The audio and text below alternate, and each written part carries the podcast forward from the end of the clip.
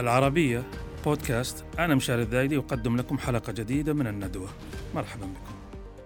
مرحبا بكم في صالون جديد من برنامجكم الندوة. نقاشنا اليوم سنتخذ من خبر جرى هذه الأيام مدخلا له لكن لن يكون حديثنا عن هذا الخبر.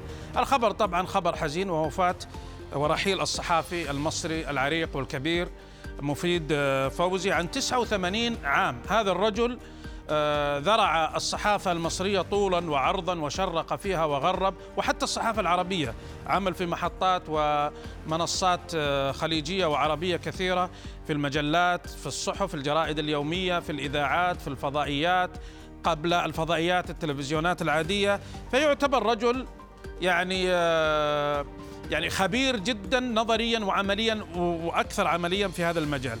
رحمة الله عليه لكن سنتخذ من هذا الموضوع مدخلا لنقاش ما هو مستقبل الصحافة التي مارسها رجل مثل مفيد فوزي وجيله؟ وصفه آه، عمر أديب بأنه يعتبره آخر الأساتذة القدماء الصحفيين.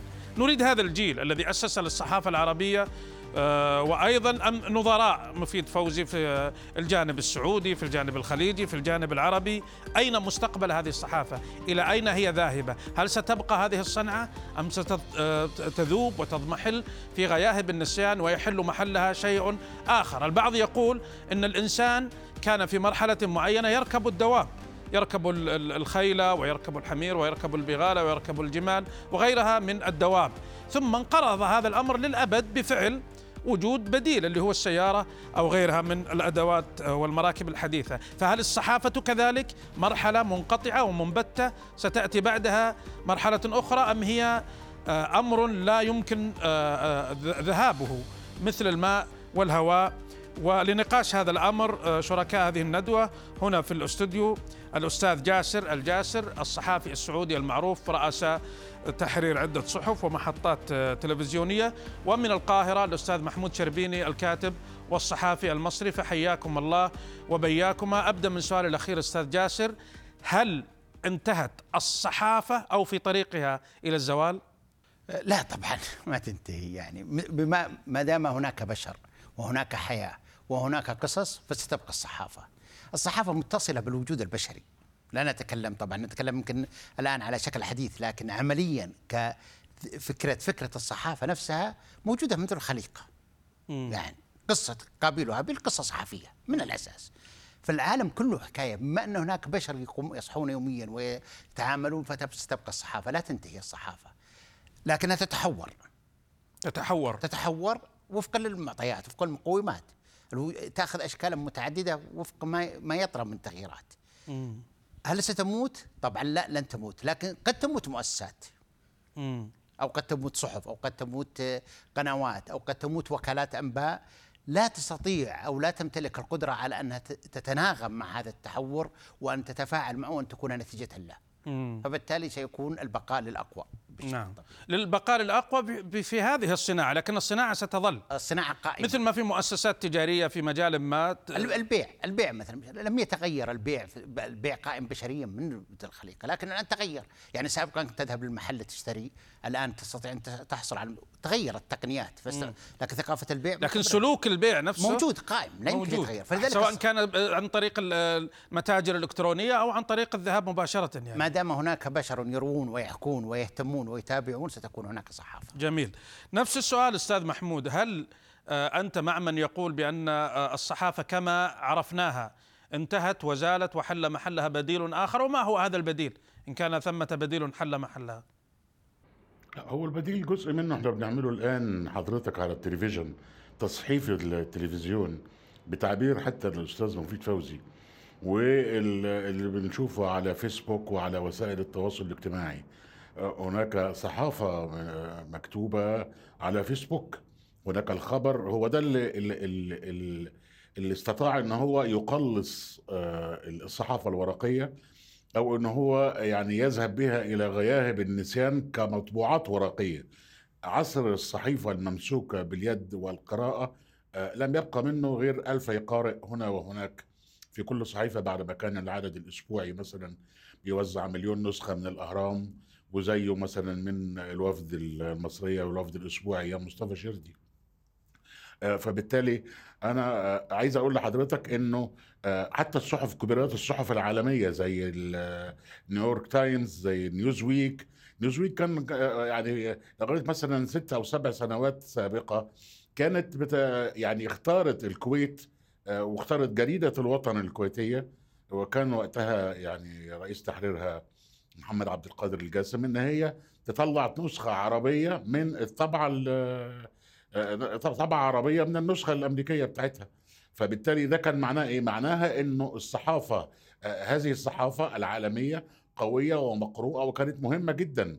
وكان أذكر حتى إن فريد زكريا كان بيكتب كان هو رئيس التحرير. صحيح. فبالتالي النهارده اللي بيحصل في العالم إن هناك تقليصا للصح... للصحيفة الورقية. العدد ال- ال- الص- الصفحات آه، الأعداد المطبوعة. لصالح إنه بيستكمل قصصه الخبرية على الإنترنت. لكن أستاذ محمود هنا هو بيواجه خسائر كثيرة. نعم. حضرتك أشرت إلى عدد التوزيع أن الأهرام كانت توزع مليون وغيرها من ال- الأرقام الضخمة. طبعا مصر سوق ضخمة. هذا مدخل من مداخل آه، الربح المادي للمؤسسة اللي هو آه، مبيعات. كذلك الاشتراكات. كذلك الإعلانات كانت هي المنصة الرئيس- الرئيسية. وحضرتك أيضا تحدثت عن أنه ثمة أنماط أخرى من الصحافة في الفيسبوك اللي هي مثل ما تفضل أستاذ جاسر اللي هي الح- الحكي القص الإخبار بالقصص يعني. طيب ما هي مصادر أنا سؤالي حتى تصرف على صحفي حقيقي وأنت حضرتك تعرف هذا الشيء أقلها أقلها إذا بترسل صحفي يحقق مثلا في فيضان جرى في المكان الفلاني هل المسؤول عنه الجهة الفلانية أو الع- أو ترصد قصص إنسانية محتاج هذا الصحفي تركبه طيارة آه، تقطع له تكت تحجز له أوتيل تديه المصروف ال- يعني كلها مصروفات مالية عشان تنفق على قصة جيدة. هذا اللي يكتب قصة في فيسبوك من أين ينفق على هذه القصة؟ من- هل لديه إعلانات؟ لديه اشتراكات؟ ه- هذا الذي يكتب على فيسبوك هل هذا الذي يكتب على فيسبوك هو يكتب القصة من المكان الذي شاهد فيه هذه القصة؟ طبعا هو هناك أنا أنزه كثيرين من الذين يستخدمون الفيسبوك لأنهم ين- بي- أحيانا بينقلوا عن بعض ويسرقوا حتى جهد بعض لأنه فكرة المواطن الصحفي المحترمة آه، لا تزال في طورها ال- المبكر. فبالتالي أنت بتلاقي بوستات كتيرة مسروقة وافكار كتيرة نسبت لبعض لب- لآخرين دون وجه حق. لكن الآن اللي السؤال اللي حضرتك بتتكلم عليه من أين يستطيع الصحفي أن يذهب ليتابع وأن ينفق أو كذا؟ هذا لم يعد موجودا إلا فيما ندر. أنت كنت تحضر الصحفيين مثلا إلى السعودية لكي يغطوا العيد الوطني السعودي لكي يغطوا مناسبات معينة. اليوم أنت ممكن تكتفي مثلا بصحفي أو كذا أو حتى المكتب أو لا بتاع لا لا لا أنا أقول لك هذا. أنا أقول لك أستاذ محمود. لا أحيانا بعضهم أستاذ جاسر يكتفي بمشاهير ال social media. يعني يقول لك إني أنا غرضي إني أنتشر جهة معينة خاصة أو قطاع عام أو خاص ويجلب معه هذا صاحب الحساب في سناب شات أو في تيك توك وخلص وصلى الله وبارك يعني. صحيح. يعني ما عاد فيه حتى الاهتمام بالصحفي اللي يكتب قصة ويأخذ من من المصدر. يعني قصدي كل هذه الشغلات ستؤدي في النهاية إلى إلى ضربات موجعة للصحافة يعني. طيب آه، خلينا نتفق اولا. هل الإشكالية هي نتيجه إحنا بننتظر نعم نعم أستاذ محمود. بنسمع بس أستاذ جاسر ونرجع لك. تفضل. هل الإشكالية ناتجة من أنه ظهور تفضل. مثل هذه التجارب؟ يعني لا تعتبر لا المشاهير ولا الفيسبوك ولا ما تعتبر صحافة. إحنا نتكلم على الصحافة بصناعتها الصلبة قائمة على التدريب والمهارة وال- والخبرات والمسؤولية. أيضا. يعني يتحمل. الصحفي يختلف أنه يتحمل. المؤسسة الصحفية المؤسسة الإعلامية إن كانت تتحمل مسؤولية أفعالها نعم. قانونا نعم. وليس حتى فقط نظاما. إذا إحنا نتكلم على غياب آه، صحافة في مكان ما هو نتيجة الضعف في الأداء الإعلامي وليس نتيجة ظهور. أنا أعتقد أنه هو كان هناك فراغ شغله هؤلاء. لم تكن مثلا على مستوى المحلي على الأقل لم تكن الصحافة في جوانب كثيرة مشبعة ومرضية. ولم تكن تمتلك الأدوات ولم يكن هناك تدريب ولم يكن هناك مهارات. في فجوات معينة. نتحدث في مرحلة من المراحل كانت الصحافة ظهورها قدرية مسألة قدرية لا خيار أمامك. إلا أنك تقرأ صحيفة. تنتظر إذا سمعت ما في بديل. تنتظر. حالما يعني ظهرت الت- التواصل والوسائط الاجتماعية المختلفة والتقنيات المختلفة آه، كانت كثير من المؤسسات الإعلامية عربيا وليس فقط سعوديا مترهلة أو مطمئنة فلم تستطع التفاعل بشكل إيجابي أو شكل سريع ديناميكي مثل ما حدث في مؤسسات غربية التي استشعرت الخطر وبدأت تقوم بعملية التحول والتحور لما يتفق مع هذا الاستثمار. المؤسسات الإعلامية كسبانة من هالمزايا ليست خسرانة. بالعكس مثلا جريدة تطبع عندها مطابع وشركات توزيع ونقل وورق وك... ك- اليوم هي تستطيع أن توصل نفس المادة بنفس الجودة بنفس القوة بنفس المتانة بأدوات أبسط وأرخص كثير وأسرع وصولا. وأن تحقق المردود الاعلاني وبدون ما تشتري ورق وتسوي بدون بدون. الكلفة ال- الزائدة. فهي إذا فكرنا فيها حتى اقتصاديا هذه التحورات التقنية هي مكسب للصحافة وليس ضدها وليست تهديدا. إذا- لكن اي تفضل لكن الذهنيه انه شعور إنه والله انهيار الورق وانهيار لا أنا أعتقد بعض المؤسسات الصحفية ستبقي الورق لجيل معين. أي نعم. نتحدث- أنا اعتقد أنا أعتقد قد أكون مخطئ. ثمة كسل في آه، التحول لهذا الأمر وثمة أيضا فقدان التحول قصدي للغة العصر للغة الديجيتال. وغير الكسل أستاذ جاسر أظن عدم وجود الشغف. وعدم وجود الشغف لهذا الأمر ربما ربما يكون مرجعه. أتكلم عن السياق السعودي. أنا نظام المؤسسات الصحفية هو الذي يعيق ولادة هذا الشغف، الشغف يتأتى من اتصال ذاتي بين صاحب المصلحة وبين المصلحة نفسها، آه، لماذا آه، يعجز أو تعجز الصحف آه، العربية ومنها السعودية مثلا عن التطور، ما هو السبب؟ هل هو السبب فقدان الرغبة؟ هل هو السبب الحيرة؟ هل هو السبب عوائق قانونية؟ ما هو السبب؟ جانب أساسي فعلا انه نظام المؤسسات الصحفية في المملكة لا يخدم التطور. لا توجد مسؤولية على الأعضاء ولا توجد على الملاك ولا توجد رغبة، هم حاصدوا أرباح بالدرجة الأولى، أكثر منهم مستفيدين، بالتالي لم نشهد تطوير، لم نشهد آه، تدريب، لم يسبق للمؤسسات الصحفيه كانت فقيرة في التدريب للصحفي بشكل كامل، لم تخصص ميزانيات للتدريب والتطوير، كان هناك عناية بالشكل وكان المردود مرتاح، بالتالي حالما ضعفت الحالة وحالما تراجع الإعلان وتغير مشهد السوق وبسبب البعد والانفصال واللي تك- اللي تكلمت عنه مشاري الشغف.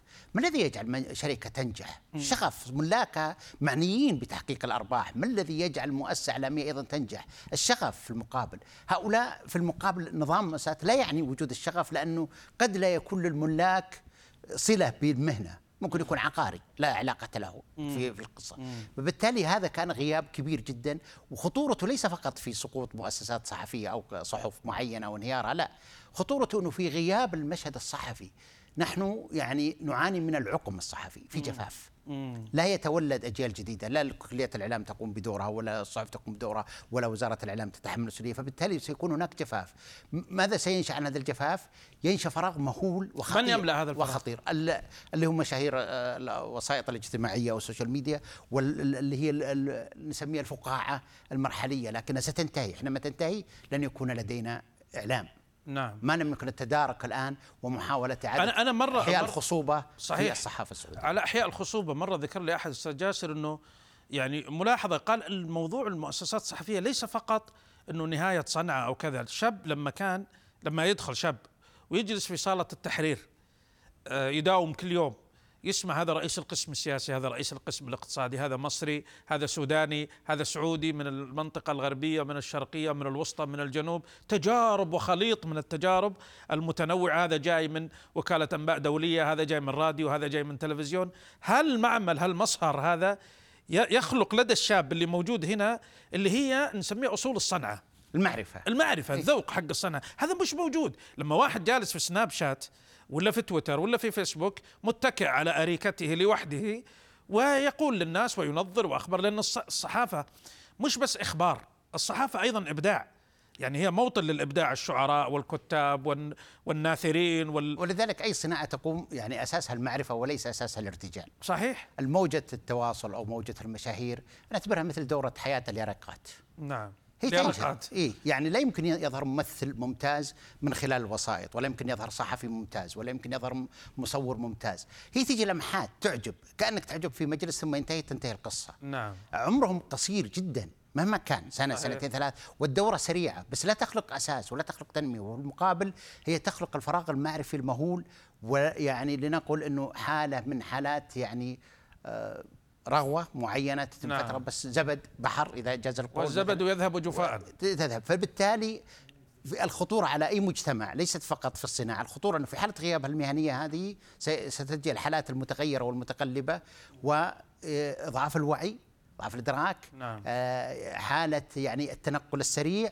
وغياب القدرة. بالتالي أنت تصبح يعني عرضة لل- للتعدي وعرضة للهيمنة من قبل وسائل أخرى نتيجة هذا الفراغ لأنك لم تغذي وبالتالي خطورتها ليست فقط على الصناعة يمكن خطورتها معرفيا ومجتمعيا. والمشاهير هؤلاء أيضا عرضة للاستقطاب والتجنيد سواء هو صاحب أجندة يعني عنده أجندة سياسية أو هو بسيط مغفل لا يدري كيف كيف تدور الأمور والصراعات.